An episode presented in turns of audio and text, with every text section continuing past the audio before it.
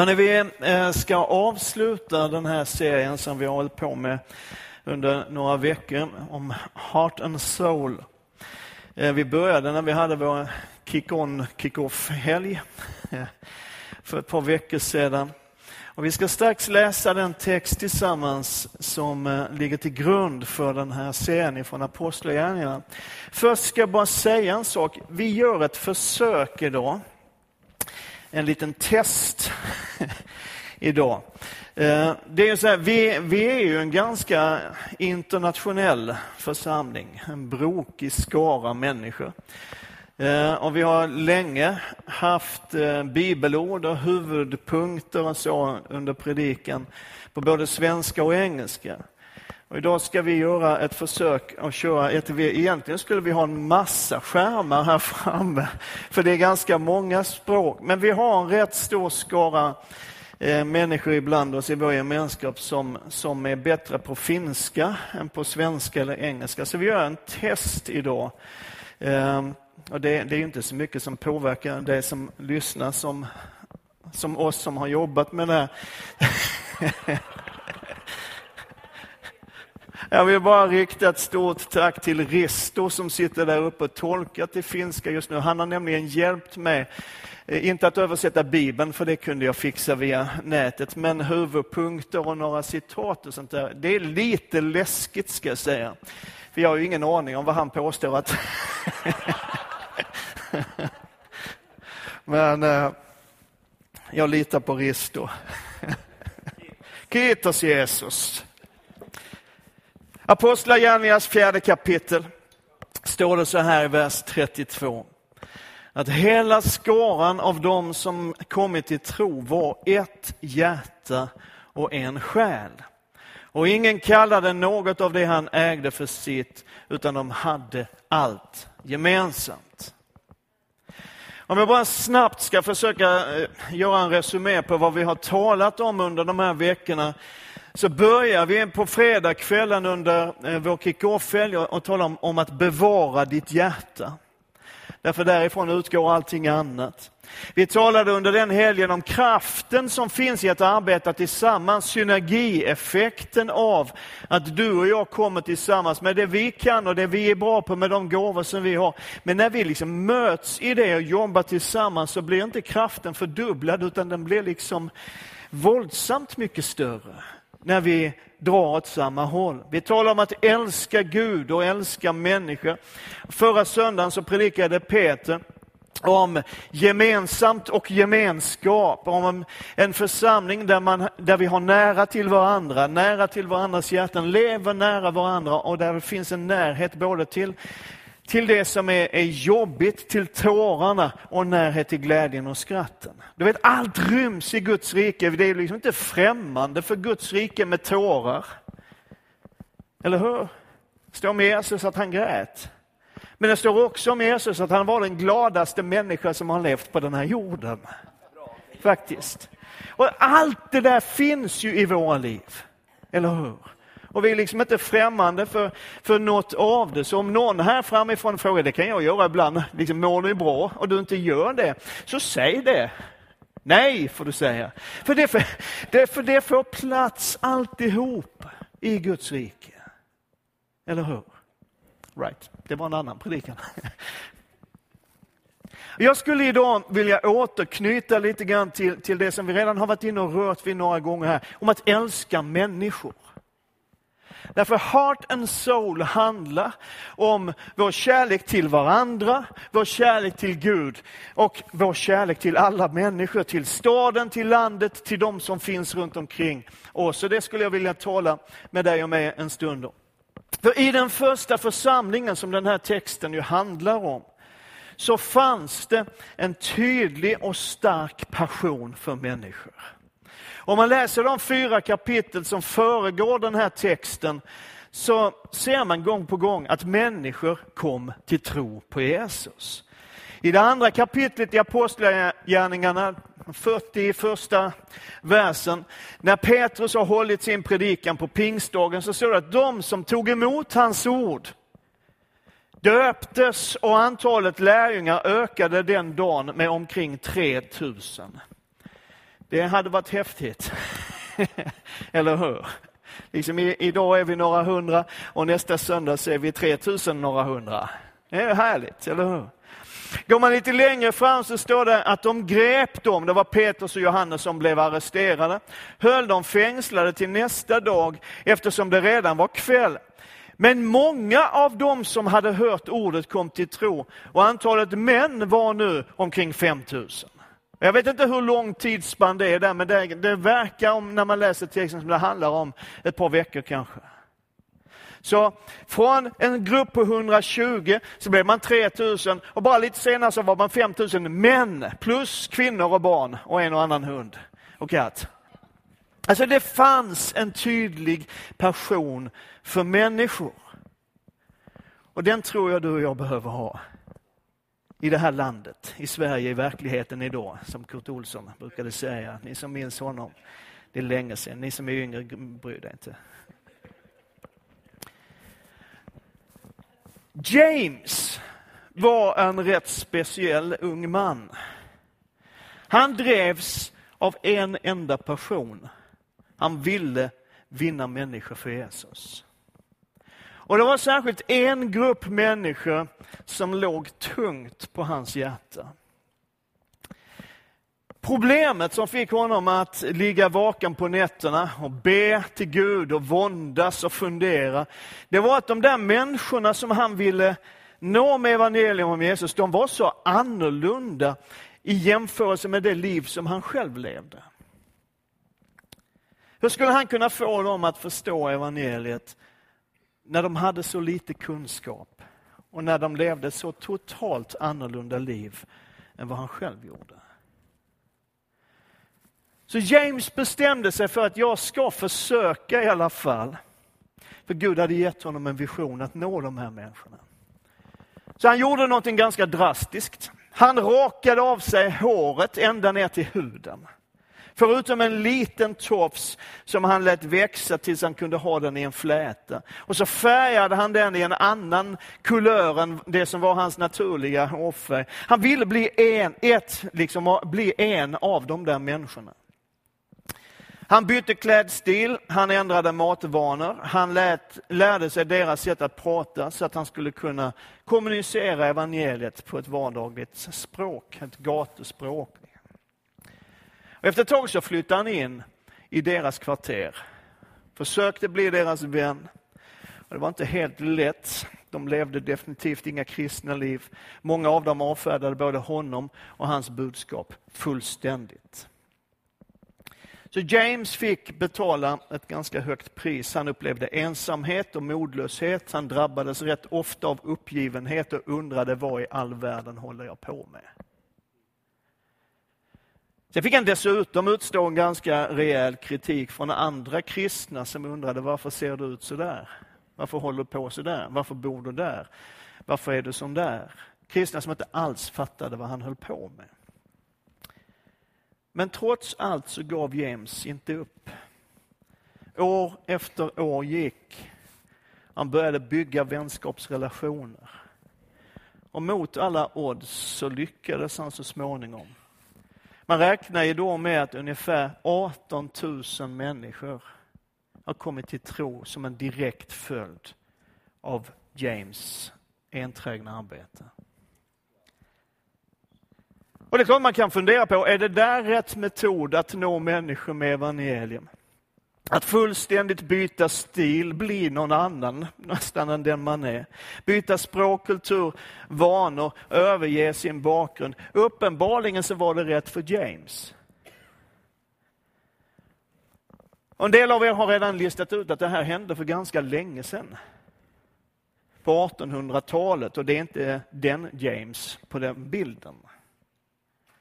Men grejen är att än idag, över hundra år senare, så tackar tusentals och åter tusentals kineser Gud för James Hudson Taylor. Han grundade en organisation som heter China Inland Mission och blev ett verktyg för väckelse i Kina som pågår än idag. Han gjorde sammanlagt 11 resor till Kina och på den tiden så tog det flera månader att ta sig dit. Och han tillbringade sammanlagt i sitt liv 51 år i Kina. Det var hans enda passion, evangeliet till Kina. Och han sa om jag hade tusen pund borde de gå till Kina. Om jag hade tusen liv så borde de gå till Kina. Nej, inte till Kina, men till Kristus. Kan vi göra för mycket för honom? Kan vi göra nog för en så dyrbar frälsare? Och jag måste säga, jag har den allra största respekt för den sortens mission och evangelisation. Jag har suttit ganska många timmar av mitt liv och samtalat med missionärer som har gjort liknande erfarenheter i sitt liv. Flyttat långt bort till något land någonstans som man knappt har hört talas om. Gett sitt liv på en plats, kanske sett lite resultat, ibland lite mer någon annan gång. Om man inser att det finns en hemlighet i identifikation. Att dela människors liv och villkor, de som man försöker nå. Men samtidigt så tänker jag så här, att de flesta av oss har inte upplevt den typen av kallelse. Vi bär inte på den sortens vision. Att resa långt bort och lära oss ett nytt språk, ett annat sätt att leva, en ny kultur och allt detta. De flesta av oss i ena kyrkan har helt vanliga jobb. Vi är kvar här. Vi lever helt vanliga liv. Och då kan man ju fundera på, vad kan jag göra? Och hur kan jag vara skillnaden för någon eller några? Och vi ska gå till en bibeltext som vi har stannat vid några tillfällen tidigare. I Johannes evangeliets 20 kapitel. När Jesus har varit död, han har dött, han har uppstått, han har träffat några av lärjungarna och så träffar han dem igen. Och det står så här, på kvällen samma dag, den första veckodagen, var lärjungarna samlade bakom låsta dörrar av rädsla för judarna. Då kom Jesus och stod mitt ibland dem och sa, frid vare med er. När han hade sagt detta visade han dem sina händer och sin sida och lärjungarna blev glada när de såg Herren. Jesus sa än en gång till dem, frid vare med er. Som Fadern har sänt mig sänder jag er. Som Fadern har sänt mig, så sänder jag er.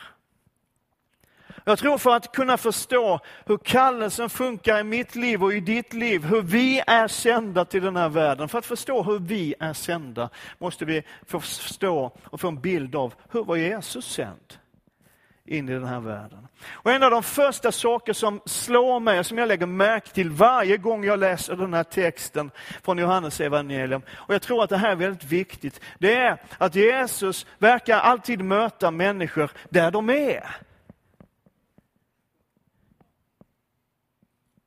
Jesus kommer till lärjungarna, sitt gäng, sitt core team eller vad du vill kalla det. Han kommer dit där de är och han möter dem där de befinner sig i, sitt käns i sina känslor, i sin situation, i allt det som är deras liv. Han möter dem där.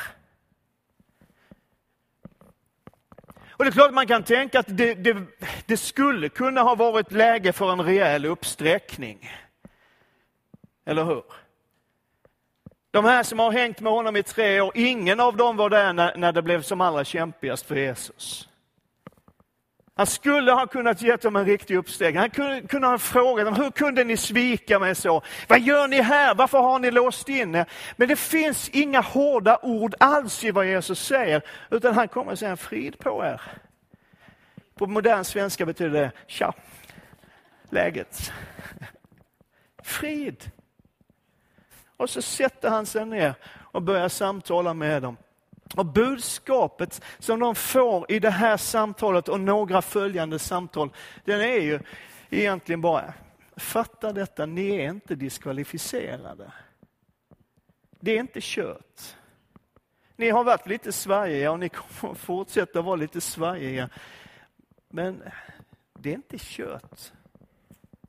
Det finns en andra chans. Det finns en väg. Jesus möter dem precis där de är och ger dem exakt vad de behöver. Och vet, när vi läser evangelierna, läser om hur Jesus möter många olika människor i många olika situationer med många olika behov, så ser man att Jesus alltid, alltid möter människor i den situation som de befinner sig i. Han förutsätter inte mer kunskap än vad de har. Utan han ser dem, bekräftar dem där de är, bekräftar deras tro. Tänk så många gånger Jesus säger det till människor som, som, som det, egentligen inte knappt vet om de hade någon tro. Liksom, sker det som din tro? Din tro har hjälpt dig. Ja, men din tro kanske inte är fullständig, den kanske inte är perfekt, du kanske inte har hela dogmatiken klar för dig. Vem som nu har det. Men Jesus bekräftar, att här finns ett frö av tro. Här finns någonting som himlen faktiskt kan landa på i ditt liv.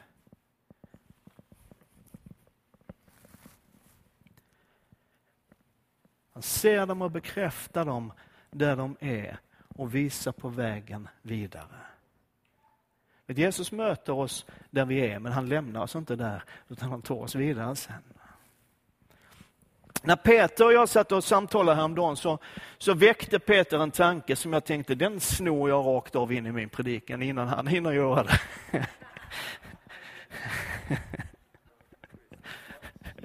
Jag var i hela världen har du sagt nu? Spänd va? Peter talade, talade om, han har säkert snott det från någon annan, men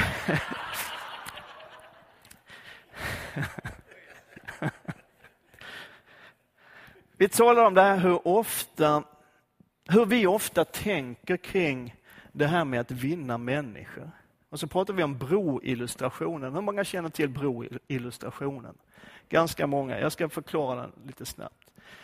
För det här är en sån här grej som man, man lärde sig på bibelskolor på 70 80-talet. Alltså jag vet inte om som kallas för broillustrationer, som, som egentligen är bilden då av att mellan människan och Gud mellan en tillvaro som andligt död och det som vi kallar det eviga livet, livet med Gud, så finns ett stort gap.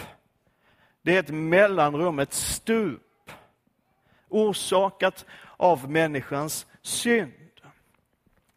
Men Jesu död, försoningen, allt det som Jesus har gjort, skapar liksom en bro mellan Gud och människa som sedan gör det möjligt för oss människor att gå från död till liv, från mörker till ljus och allt detta. Och det är ju bra, eller hur? Men misstaget som jag tror att vi ibland begår när vi tänker på att vinna människor. Eller när vi tänker på det här ordet evangelisation. Jag gillar inte det ordet riktigt, men, men det kan vi ta en annan gång. Men du vet vad jag, vad jag pratar om, det här med att vinna människor, att evangelisera, att sprida evangelium om Jesus på olika sätt. Det är att vi på något sätt utgår ifrån att människor befinner sig just där. Är ni med mig? Nära liksom korset, nästan framme vid korset. Så allt som behövs är att förklara att Jesus har dött för din synd och du kan gå över som en bro. Tyvärr så är det ju inte riktigt sant.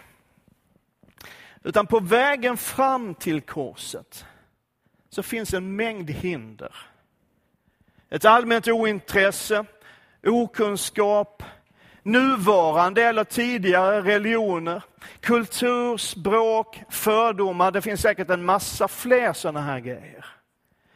Och du vet att väldigt många människor som du och jag har runt omkring oss i vår vardag, de befinner sig inte alls nästan framme vid korset. Utan snarare här. Och det blir en ganska lång resa med många hinder att ta sig över och förbi. Visst är det kul med animerad film? Innan man är framme vid en insikt om behovet av Jesu försoning. Och så småningom då kunna ta sig över till en gemenskap med den levande guden. Så utmaningen och det vi borde fundera på du och jag, det är lite grann hur möter vi människor här? Där de faktiskt befinner sig.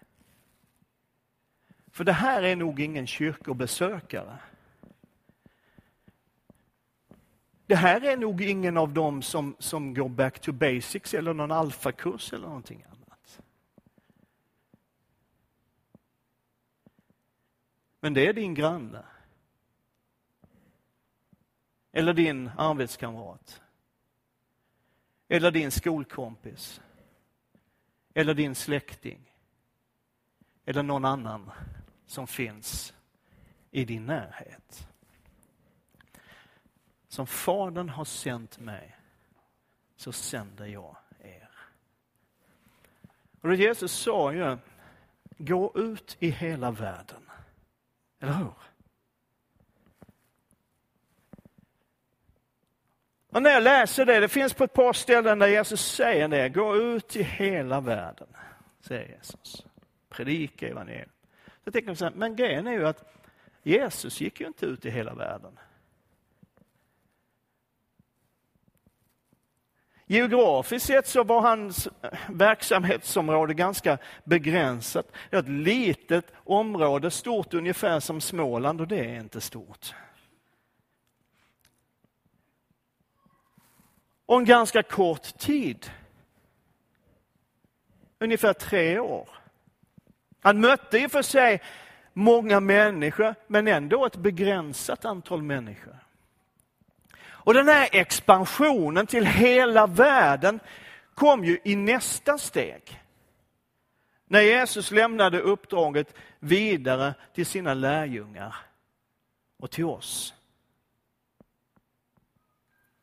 Och en tanke som jag tror i detta är ganska viktig, vi har talat om det vid något tillfälle förut, det är att när vi hör uttrycket hela världen, så tänker vi ofta geografiskt eller etniskt på olika sätt och det är inte fel. Det är en del av vad det här handlar om. Men uttrycket den här världen, eller uttrycket hela världen, består ju i sig själv av en massa olika världar. Som affärsvärlden, eller vetenskapsvärlden, eller skolvärlden, eller vårdvärlden, eller tjänstevärlden, eller sportvärlden, eller musikvärlden, eller den största och bästa av nästan alla världar, golfvärlden, eller vilken värld du nu vill tänka på. Och här är själva poängen i detta. Att i någon eller några av de här världarna så passar du in precis sådan som du är. Utan att behöva göra om dig. Utan att behöva flytta, utan att behöva lära dig ett nytt språk, utan att behöva leva livsstil. För du är redan som klippt och skuren för någon eller några av de här världarna. Grejen är att du är ju redan där.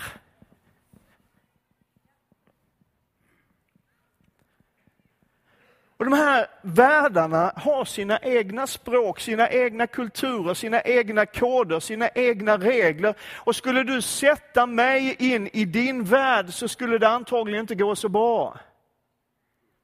Jag är liksom en teologisk nörd. Och det är ungefär vad jag klarar av att hantera i mitt liv.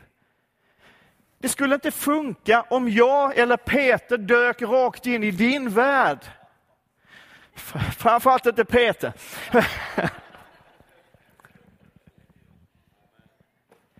Men du är redan där.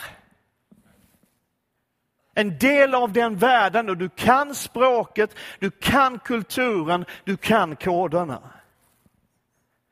Och Jag tycker det är så fascinerande med Guds rike, med församlingen, att Gud tar individer, sådana som du och jag, vanligt folk, utrustade och begåvade på olika sätt. Och så för han oss samman och bygger en kropp, en organism med samma syfte, med samma mål, med samma vision. Och vi lever den visionen på lite olika sätt. Och vi lever den visionen i lite olika sammanhang. Men det är samma vision. Evangelium om Jesus till hela skapelsen, till alla människor och in i alla världar. Halleluja.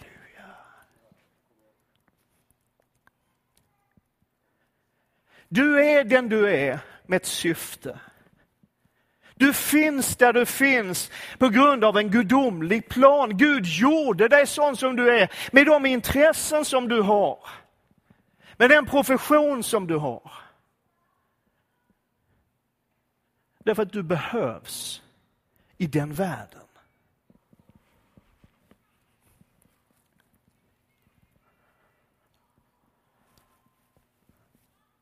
Och då är frågan, när Jesus säger, som Fadern har sänt mig, så sänder jag er.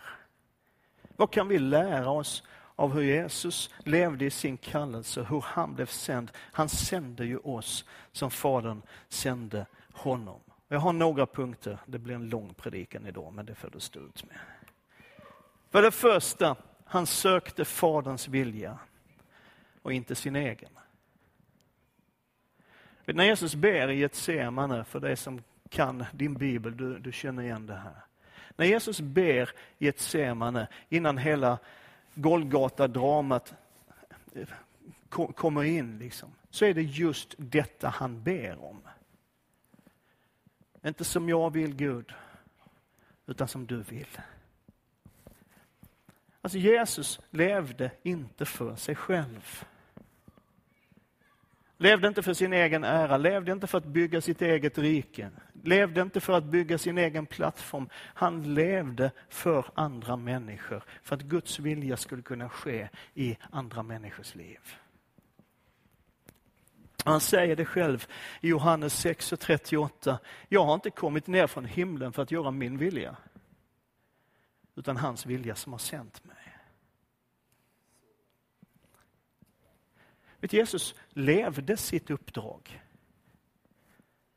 Han var ett med uppdraget. Han var sitt uppdrag. Wow.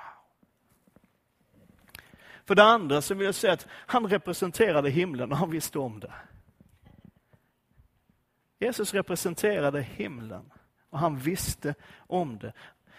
I Johannes 12, vers 44-45. Jesus ropade, den som tror på mig, han tror inte på mig, utan på honom som har sänt mig. Och den som ser mig, han ser honom som har sänt mig.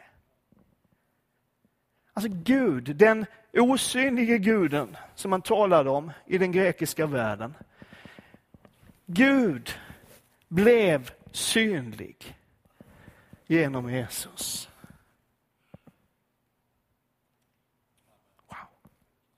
Tänk om det är så att Gud kan bli synlig genom dig och mig. Mitt i vardagen, en vanlig sketen onsdag.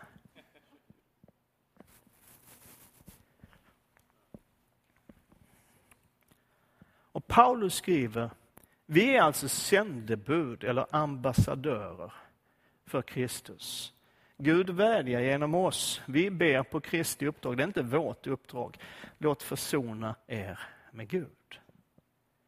Vi är sändebud för Jesus. Jag tror att vi behöver lite grann uppgradera vår syn på oss själva, du och jag. Eller hur? Vet, vi representerar inte bara oss själva. Vi representerar inte ens bara ena kyrkan. Utan vi representerar himlen. Vi är sändebud för Jesus. Det är han som har sänt oss. Vad gör den tanken med din måndag morgon? När det är dags att gå till jobbet?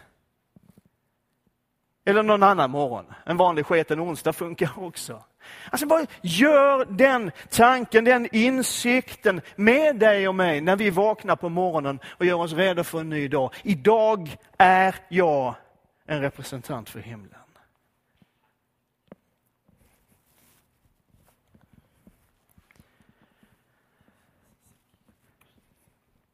Jesus mötte, för det tredje, Jesus mötte behoven där han såg dem. Matteus 9.36. När Jesus såg folkskarorna förbarmade han sig över dem, för de var härjade och hjälplösa som får utan herde. Jag har sagt det här tidigare och det tål att upprepas. Människor behöver se evangeliet innan de hör evangeliet. Människor behöver se Guds kärlek innan de hör om Guds kärlek. Det är som John Maxwell har uttryckt det, jag tror han har snott det från Roosevelt eller någon, att människor bryr sig inte om hur mycket du vet förrän de vet hur mycket du bryr dig.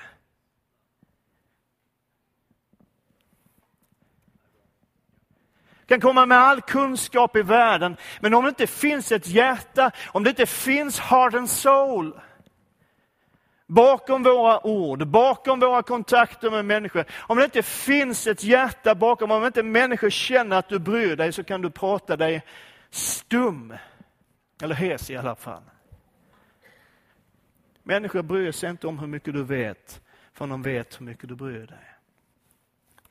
För det fjärde, och det här är också jätteviktigt. Jesus var inte ensam. Ibland var han det. Men generellt sett, Jesus var inte ensam. Han hade människor omkring sig. De som vi kallar för lärjungarna. Och det är rätt lätt att tänka, och jag tror att vi, vi nog tänker så ganska ofta, att det liksom bara var lärjungarna som fick ut någonting av den relationen. Den här bilden av Jesus, som han gav och han gav och han gav och han gav till han var fullständigt utmattad utan att någonsin få någonting tillbaka av det här gänget. Men jag tror inte, när jag tänker efter, att det var riktigt så. Faktiskt. Men Jesus sa till dem att eh, jag kallar er inte tjänare. Jag kallar er vänner. Varför sa han det?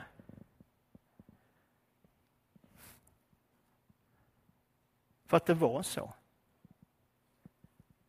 Men Jesus är smart på det sättet. Han säger det han menar och menar det han säger.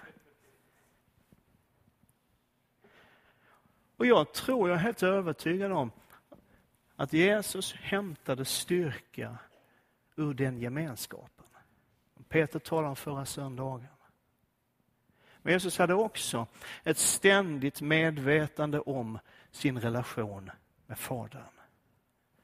Han säger att han som har sänt mig är med mig. Han har inte lämnat mig ensam för jag gör alltid det som behagar honom. Och så ger Jesus det sista han gör innan han lämnar den här världen ger oss ett löfte när han säger, och jag är med er alla dagar till tidens slut. Poängen i den här predikan, det jag vill att du ska ta med dig, glöm allt annat om du vill, men ta med dig det här. Det finns någon där ute i din värld som väntar på dig.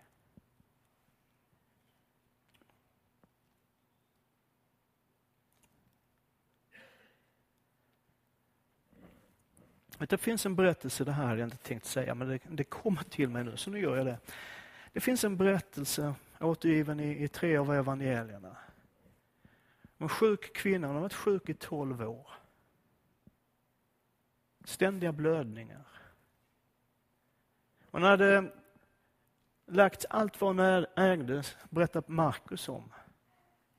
Allt vad hon ägde hade hon liksom fått sälja av för att kunna bekosta läkarvården. Och det står att inget hade hjälpt, hon hade snarare blivit sämre.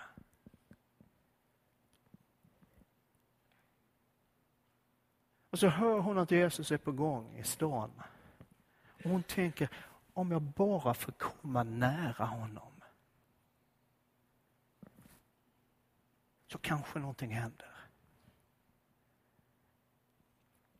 Och mitt i en folkmassa med massvis med folk så lyckas hon liksom smyga sig fram och röra vid fliken på Jesus mantel. Och blir omedelbart helad. Det är häftigt i sig själv, hela den berättelsen. Men det jag tycker är något av det starkaste i hela den berättelsen, det är att Jesus stannar upp. Och så säger han, det var någon som rörde vid mig.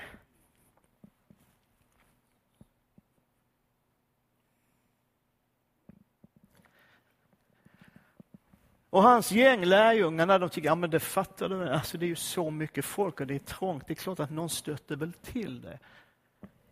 Men Jesus vet. Det var någon som sträckte sig ut för att komma nära mig. Och så möter han den här kvinnan. En fantastisk berättelse.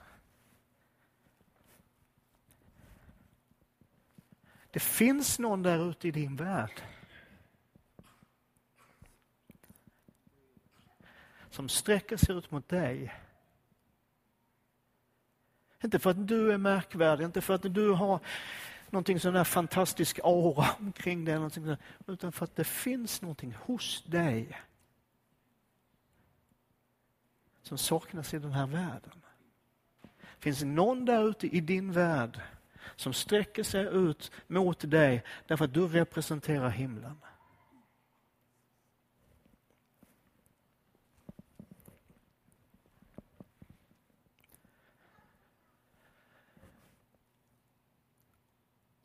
Vi lever inte för oss själva.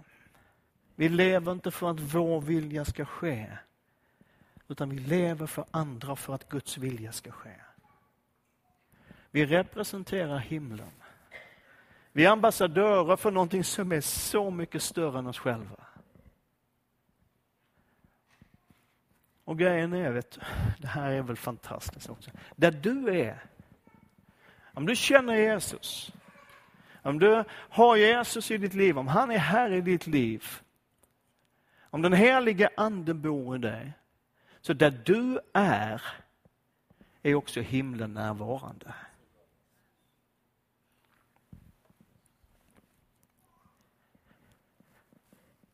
Tänk på det i imorgon bitti, måndag morgon när du går till jobbet. Där du är, är himlen närvarande. Det finns behov som du kan fylla. Låt människor få se evangeliet genom dig och se Jesus genom dig. Och tänk på för det fjärde och det sista att du är inte ensam. En del jobbar på arbetsplatser som är lite tufft. Det är en rå jargong. Det kan kosta på. En del finns i sådana sammanhang i sin familj och släkt och vardag. Du är inte ensam. Vi arbetar tillsammans. Vi finns här för dig. Familjen, ditt hem, din församling. Vi finns här för dig. Be tillsammans med dig, lyssna på dig, trösta dig ibland, glädjas med dig ibland, gråta med den som gråter och skratta med den som skrattar. Men, och det är det allra största, Jesus Kristus själv är med dig. Rakt in i det som är din värld. Och allt folket sa